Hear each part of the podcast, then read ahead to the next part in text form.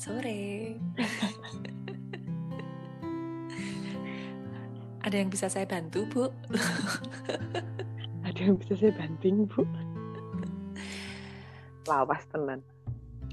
Oke, jadi kayak yang kita janjiin kemarin, eh, kita akan ngomongin soal au pair nih dalam obrolan kita hari ini, hari ini, saat ini, kali ini. Hari ini. Karena seperti yang sudah kita duga ya, ada banyak sekali pesan yang masuk ke Instagram dan website. Berapa ratus? Nol. Tak pikir mau jawab ratusan. Enggak lah, enggak perlu, ngapain juga bohong. Tapi kita tetap akan ngomongin yang namanya au pair itu tadi karena Mbak Tita punya pengalamannya dan saya tidak punya apa-apa tentang itu selain pertanyaan. Jadi kamu cerita au pair itu apa sih? Terus menarik nggak itu untuk dilakukan oleh eh, pendengar-pendengar, pendengar oleh ya Pendengar teman-teman di luar sana. Pendengar yang menuju setia lah ya. Jadi au pair, au pair itu menarik banget menurutku. Cara belajar bahasa dan budaya yang paling murah. Au pair itu bahasa Prancis yang Hmm. artinya eh, apa ya? Under agreement, mutual agreement. Tuh, jadi apa pun yang kita lakukan sebagai au pair itu kita lakukan di bawah sebuah payung perjanjian kontrak. Itu Hmm. jadi bahkan untuk apply visanya pun kita butuh kontrak. Itu yang sudah ditandatangani kedua belah pihak gitu. Nah, kalau ada yang pengen daftar, itu daftarnya lewat mana? daftarnya bisa lewat agensi. Mhm. bukan iklan ya agensi au ada yang dari Jerman sendiri Kok aku kebetulan di Jerman ya jadi aku kan bicara konteks Jerman itu agen Jerman ada agen Indonesia juga ada tapi resikonya ketika kita menggunakan agen yang eh, sistemnya offline offline gitu punya kantor ya Mhm. kita harus membayar itu jasa Membayar jasa. Betul. Atau bisa juga pakai yang online online gitu. Jadi kita registrasi, terus memberikan data kita, nanti otomatis dicarikan lewat online itu. Jadi saling mencari kalau yang di online itu. Oh. Keluarga nyari, kita juga nyari. Jadi itu kan kita akan tinggal bersama keluarga asing ya, dan harus belajar bahasa asing. Nah, itu mungkin yang perlu ditekankan juga ya, karena beberapa orang itu selalu ngira au pair itu kayak jalan-jalan terselubung. Padahal sebenarnya kayak kemarin aku udah baca-baca nih, biar nggak nampak bodoh. Eh, eh, au itu kan nggak cuma di Jerman. Kalau Mbak Tita dulu kan au pairnya di Jerman ya. Ternyata di hampir di semua negara ada. Dan kalau di Swedia memang harus menunjukkan em, intensi dan keinginan yang jelas untuk belajar bahasa. Jadi nggak bisa terus digunakan sebagai kedok untuk jalan-jalan doang. Jalan-jalan tuh bonus gitu. Nah Tuh. kalau eh, syarat bahasa sendiri gimana Mbak Tit? Harus bisa bahasa yang dituju atau gimana? Oh iya jelas kalau di Jerman itu levelnya yang harus punya itu A1 jadi bahasa Jerman dasar banget gitu ya yang cukup untuk memulai sebuah pembicaraan. Memulai ya mengakhiri belum tentu bisa. Kalau bisa ngomong cus gitu tuh as A berapa itu? Ya, itu ya A0 lah masih jadi A1, A1 itu bisa eh, ya ngomong perkenalan diri terus apalagi ya eh, alamat nunjukin jalan gitu-gitu lah itu bisa nah itu tes tesnya kute jadi kalau kita tes di lembaga kursus itu nggak bisa buat apply bisa Oh, oke. Halo? Oke, Hmm? kita kirain kamu hilang sinyalnya. meninggal ya begitu uh, resiko LDR itu memang salah satunya adalah kekhawatiran tidak ada sinyal. pada ya, sinyal. gitu. balik ke soal au pair um, yang diakui hanya yang dari Gute Gute Gute Institute itu. Betul Aha. terus syarat minimal minimumnya adalah A1 yang sangat basic. Satu. Tapi selama komunikasi dengan agen apakah harus menggunakan bahasa Jerman atau bisa dengan bahasa Inggris. Boleh sih dengan bahasa Inggris. Hmm. boleh. Boleh Inggris kalau bahasa Indonesia mungkin mereka nggak paham ya kecuali agenmu agen Indonesia. Iya ya Jadi, that makes sense. bahasa Inggris masih masih boleh. Berarti kalau misal aku pengen gitu ya, aku pengen nih jadi au pair di Jerman harus belajar harus kursus bahasanya dulu baru bisa daftar gitu ya, nggak bisa terus langsung. "Pokoknya aku pengen daftar aja gitu. Berangkat. Enak banget. Makanya pokoknya masak tempe jadi tetap harus ada harus ada ini ya basicnya dulu. Kalau syarat lainnya apa Mbak Tin? syarat lainnya umur Nah, Umur sensitif nih, itu sensitif. 18 aku nggak mau nyebut umurmu sih tapi ya Coba disebut umurnya ya. berapa? Minimal sama maksimal.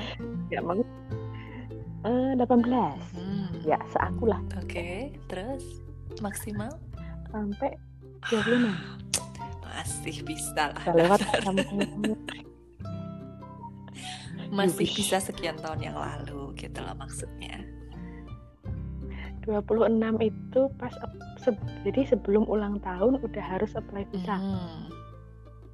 jadi ongoing ke 27 itu masih bisa. Ngomong-ngomong soal visa visanya visa apa nih? Visa study visa working atau visa turis atau visa apa visa au pair oh khusus? Khusus. Hmm. tidak ada visa yang umum untuk au pair jadi eh, mungkin supaya lebih enak trackingnya ya karena jangka waktu au pair tuh hanya enam bulan dan 12 bulan. Tergantung kita apply-nya gimana kontraknya gimana. Nanti visanya akan menyesuaikan. Oh oke. Gitu. Nah, di kontrak cuma enam bulan ya nanti visa kita akan berakhir enam bulan. Gitu. Hmm. tergantung kontrak sih sebetulnya. Makanya tadi kan under mutual agreement juga ya jadi kontrak itu sangat penting.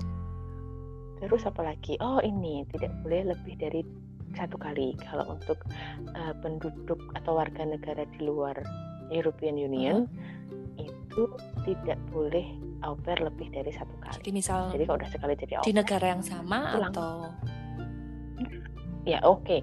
Kalau ke Jerman kalau ke Jerman ya hanya itu aturannya Hmm. satu kali itu tapi habis itu dia Dan pengen kan au pair di negara ya. lain gitu boleh nggak atau nggak tahu nah misalnya misalnya nih aku selesai nih di Jerman umurku 26 gak mepet kan berarti di Jerman aku nggak bisa lagi dan menurut aturan Jerman itu nggak boleh Hmm. tapi kalau di Swedia selama di Swedia itu misalnya tidak ada aturan yang menyatakan bahwa kalau dirimu bukan warga negara EU berarti cuma boleh satu kali ya harusnya nggak apa-apa karena secara umur toh masih masuk masih ya full. karena di Swedia itu batas atasnya 30 tahun.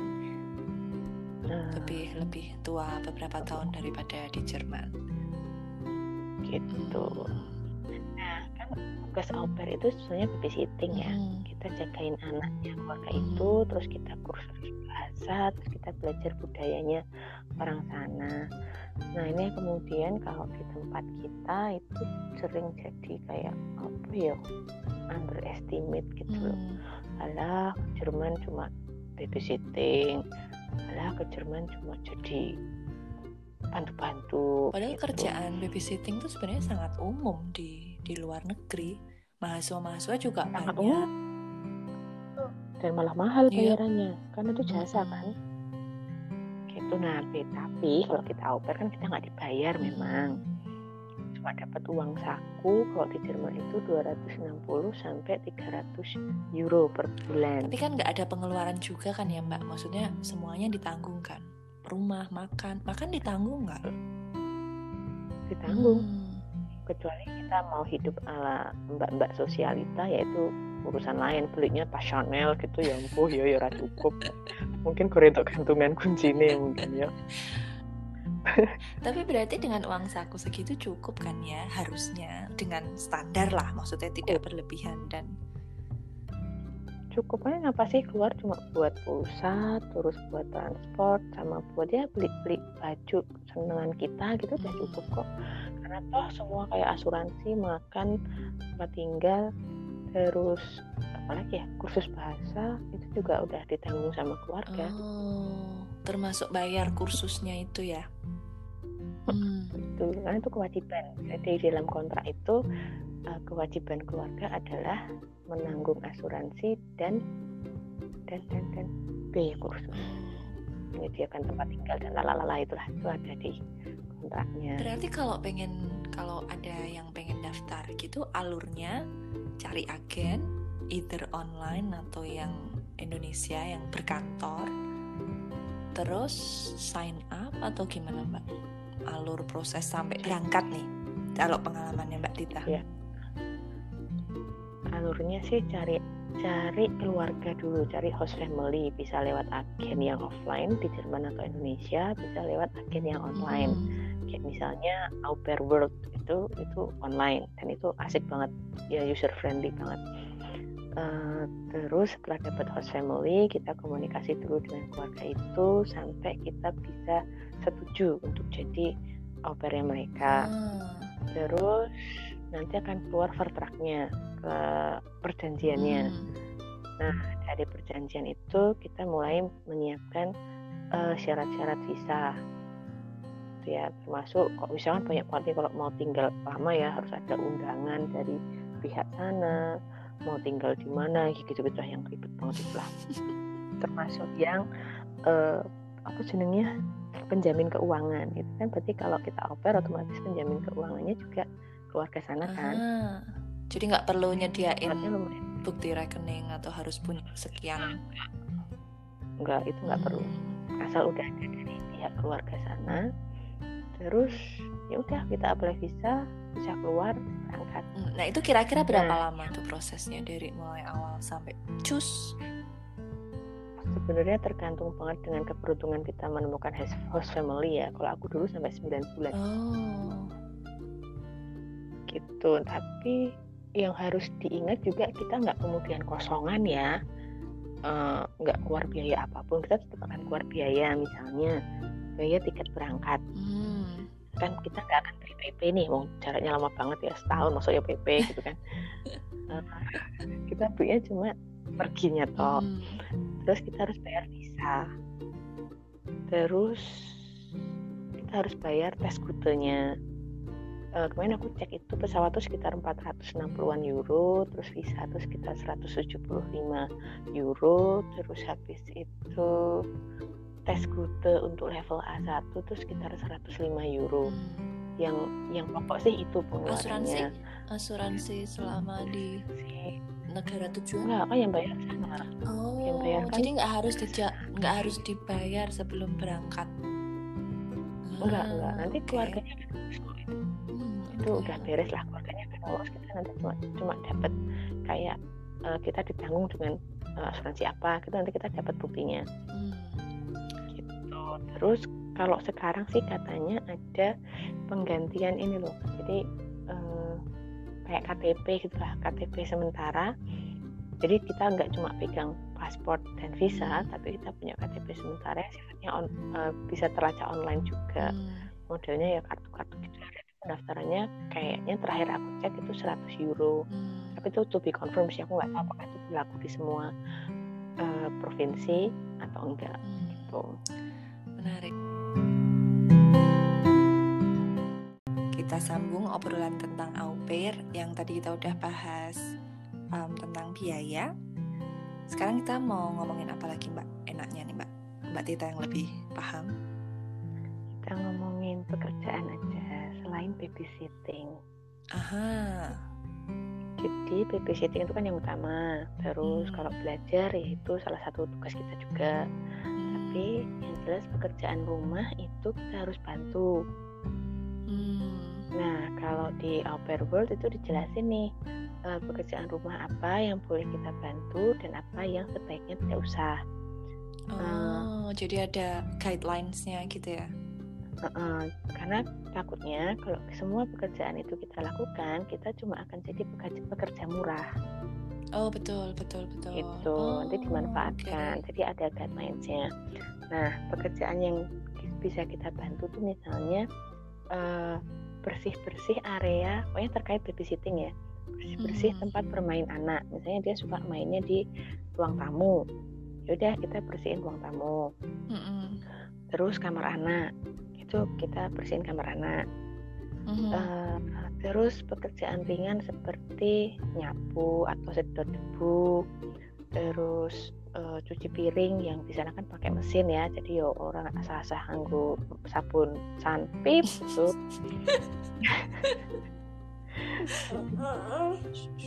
jadi ringan ringan banget. Terus hmm. sama nyiapin makan makannya anak atau misalnya kita bantu si ibu untuk nyiapin makan malam keluarga toh kita ikut makan kan gitu. Iya, sewajarnya bantu. Nah yang nggak boleh atau sebaiknya tidak adalah misalnya nih bersihin kamar mandi. Ngosek hmm. kamar mandi itu nggak perlu. Soalnya Eli ya? Iya iya. Tapi cukup menggambarkan kecuali itu kamar mandi kita sendiri. Misalnya kan kita disediakan kamar dan kamar mandi sendiri. Ya betul itu tugas kita ah. sendiri. Tapi kalau kamar mandi umum yang terutama dipakai oleh keluarga besar semuanya itu nggak perlu. Terus cuci hmm. mobil. Itu bukan urusanmu. Pokoknya yang berat-berat itu bukan urusanmu sebenarnya yeah. terus kita harus mandiin anjing. Misalnya dia punya anjing kita harus mandiin anjingnya. Kecuali kita mau ya emang kita senang banget sama anjing terus kita bilang anjing atau kucing nggak apa-apa aku aja yang urus. Itu nggak apa-apa boleh. Tapi hmm. secara aturan sebaiknya tidak usah karena tanggung jawabmu itu bukan di petnya tapi di anaknya. Jangan kebalik gitu ya. Nah tapi kalau misal nih sama sekali nggak punya pengalaman sebelumnya kan itu kan yang di yang boleh mendaftar tadi 18 sampai 26 ya. Terus asumsiku ya mereka belum pernah punya anak gitu atau nggak punya pengalaman mengurus anak. Apakah itu bagian dari requirement requirement juga atau enggak? Enggak. Aku dulu juga ke sana belum punya anak deh perasaan. Iya, maksudku tapi maksudnya sama sekali nggak punya pengalaman ngurusin anak. Perlu nggak disebut di aku nggak tahu CV atau ketika berkomunikasi oh aku punya adik ya aku pernah ngurus adikku atau aku pernah ngurus ponakanku atau nggak perlu sama sekali itu karena cuma nemenin temen ya mm -mm. itu nilai plus sih menurutku Uh, jadi gini, sebenarnya kan salah satu syaratnya yang lain adalah kita tidak boleh sudah menikah atau sudah mempunyai anak. Itu justru tidak boleh. Uh -huh. Itu ada di syarat. Jadi memang ya kita benar-benar masih singgelan gitu loh. Hmm, singgelan? nah, singgelan kayak harap tabur. Aduh kacau nih.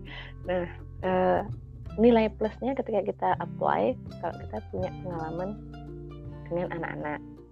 Kan sebenarnya hmm. tergantung juga nanti anak yang ada di host family itu umur berapa kan. Iya benar benar. pengalamanku adalah uh, apa ya pas itu aku lupa ya kayaknya jadi guru untuk anak SD hmm. guru anak SD itu jadi pengalaman. Tapi ternyata kan uh, jauh banget bang ternyata anak yang tak asuh umurnya baru 15 bulan. Apa ngomongin apa? Ya nggak apa-apa. Kan belajar uh, huruf oh, bukan huruf belajar mengenal warna belajar mengenal suara binatang nah, kira-kira kayak gitu. Tapi memang uh, au pair ini akan lebih jadi pengalaman yang sangat menyenangkan untuk mereka yang menyukai anak-anak. Hmm, gitu nah, Kalau emang dasarnya, itu. dasarnya udah nggak suka anak-anak ya gak, jangan jadi au pair. Nanti hmm. anaknya bahagia kamu asuh gitu ya. kan kasihan. Jadi mungkin di salah satu persyaratannya harus ditulis uh, menyukai anak-anak atau suka bermain dengan anak-anak, something like that kali ya kayaknya sih begitu ya. Atau bisa hmm. bisa bekerja dengan anak-anak gitu bekerja bekerja. child worker. Bekerja dengan anak-anak tuh handling. Oh ya ya, ya.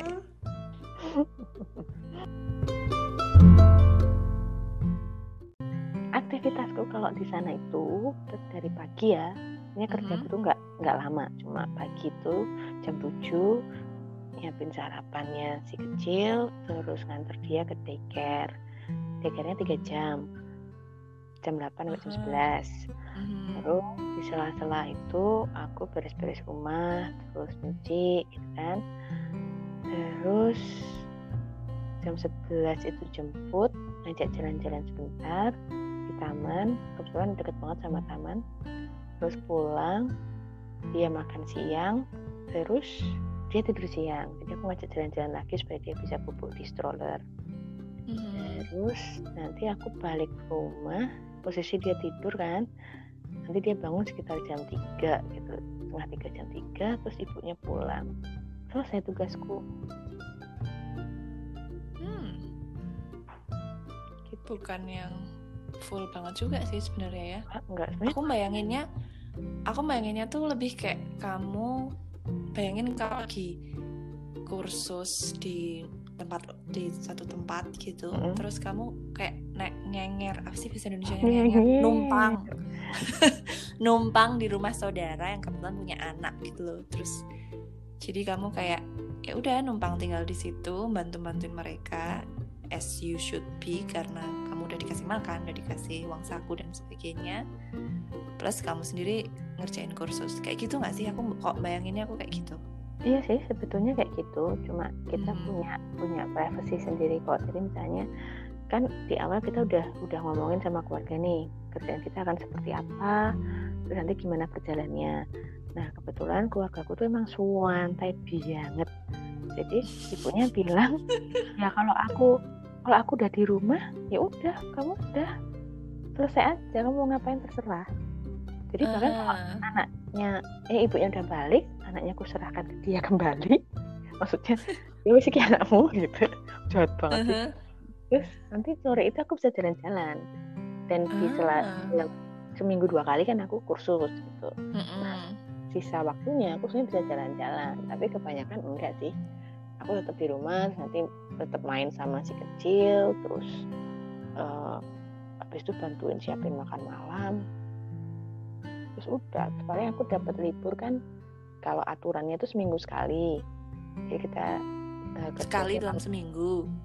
Heeh, kerjanya jadi enam hari tapi kalau di keluargaku dulu mereka mau ngasih aku seminggu itu dua hari jadi weekend itu Ah. Jadi Gitu. memang ini ya em, lebih menyenangkan kalau bisa ketemu keluarga yang cocok gitu ya. ya makanya milih-milih keluarga itu penting banget apalagi sekarang kan gampang nih kita pakai teknologi ya bisa WhatsApp call bisa apa pun lah bisa dipakai media kalau Kalau kamu dulu dulu masih pakai Telegram. pakai morse aku Lah bisa kamu ngomongnya kayak It was a very long long time Ya, ago. lah, oh, tahun 2009 itu nak di WhatsApp belum ada Oh iya ya, 2009 tuh udah 11 tahun yang lalu ya. iya kalau meskipun secara Wow. tidak berubah tapi kan secara teknologi sangat berbeda jadi untuk menemukan keluarga yang kita cocok kita klik itu kayaknya akan lebih mudah kalau sekarang. Baru kan cuma lewat email Tapi overall Mbak Tita, eh, dengan pengalamannya Mbak Tita yang au pair satu tahun ya Mm-mm. di Jerman satu tahun itu, apakah ini sesuatu yang akan kamu rekomendasikan ke teman-teman di luar sana yang pengen juga nih menjajal atau mencoba tinggal di luar Indonesia, gitu, selain sekolah eh, dalam pengertian jalur beasiswa ya, maksudnya Mm-mm.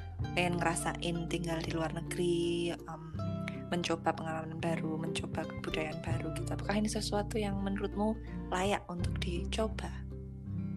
layak banget layak banget tapi dengan syarat gitu ya Eh, Kamu terdengar seperti penjual eh, Oh, alat-alat iya. elektronik. Syarat dan ketentuan berlaku ya. Tolong ini dibaca Uh-uh. tulisan kecil-kecil ini.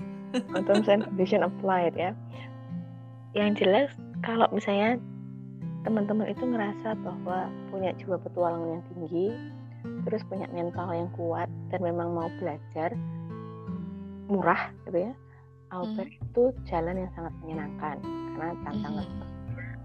tapi kita bisa belajar banyak juga tapi ya itu tadi kalau kita tidak punya mental yang kuat hidup di negara orang apalagi tinggal dengan sebuah keluarga yang kita nggak kenal itu ya berat loh hmm. Karena tinggal sama keluarga sendiri aja juga kadang kan kita pasti ada on off-nya nih apalagi tinggal yeah. sama asing gitu ya di negara yang orang asing. Betul budayanya mm -hmm. sangat berbeda. Yang mereka kalau ngomong langsung tes gitu ya sementara kita kadang enggak. Nah itu kan repot. Kadang kita yang kebanyakan basa-basi. Nah proses adaptasinya itu loh yang berat. Satu bulan dua bulan pertama itu yang berat banget jadi kalau nggak punya mental atau mentalnya tidak disiapkan ya kita berangkat dua minggu pertama sangat bahagia setelah itu suram.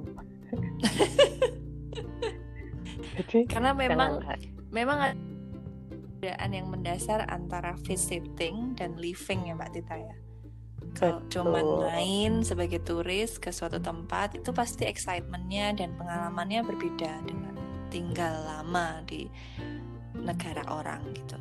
Nah oh, kayaknya itu menarik mbak buat kita bahas nih di obrolan kita selanjutnya nanti ketika aku menelponmu atau kamu menelponku. ketika sinyal menyatukan kita. Iya.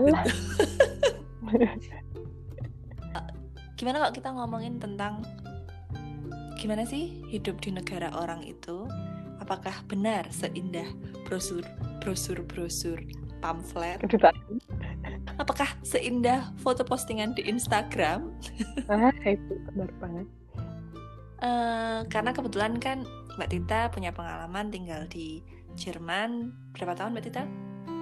Dua. Dua tahun dan di UK berapa tahun?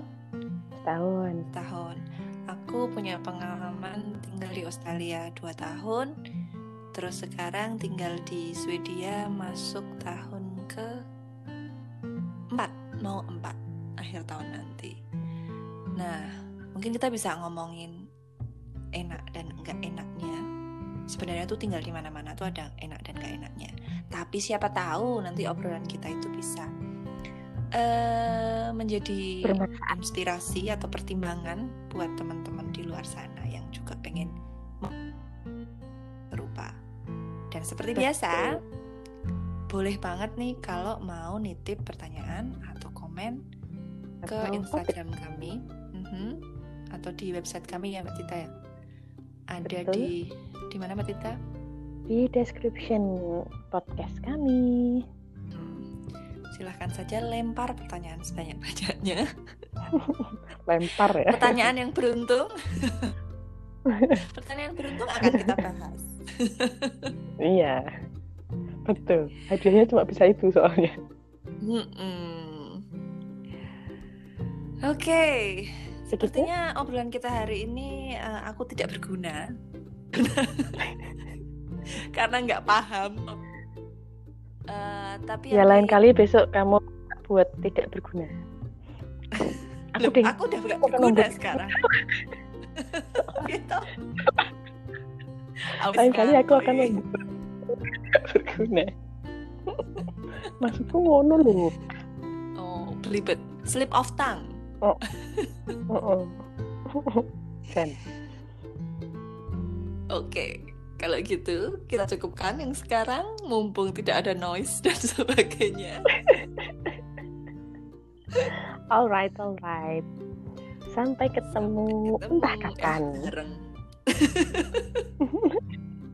Flip flop nggak? Alah. Sehat di sana. Stay safe. Bye-bye. Bye.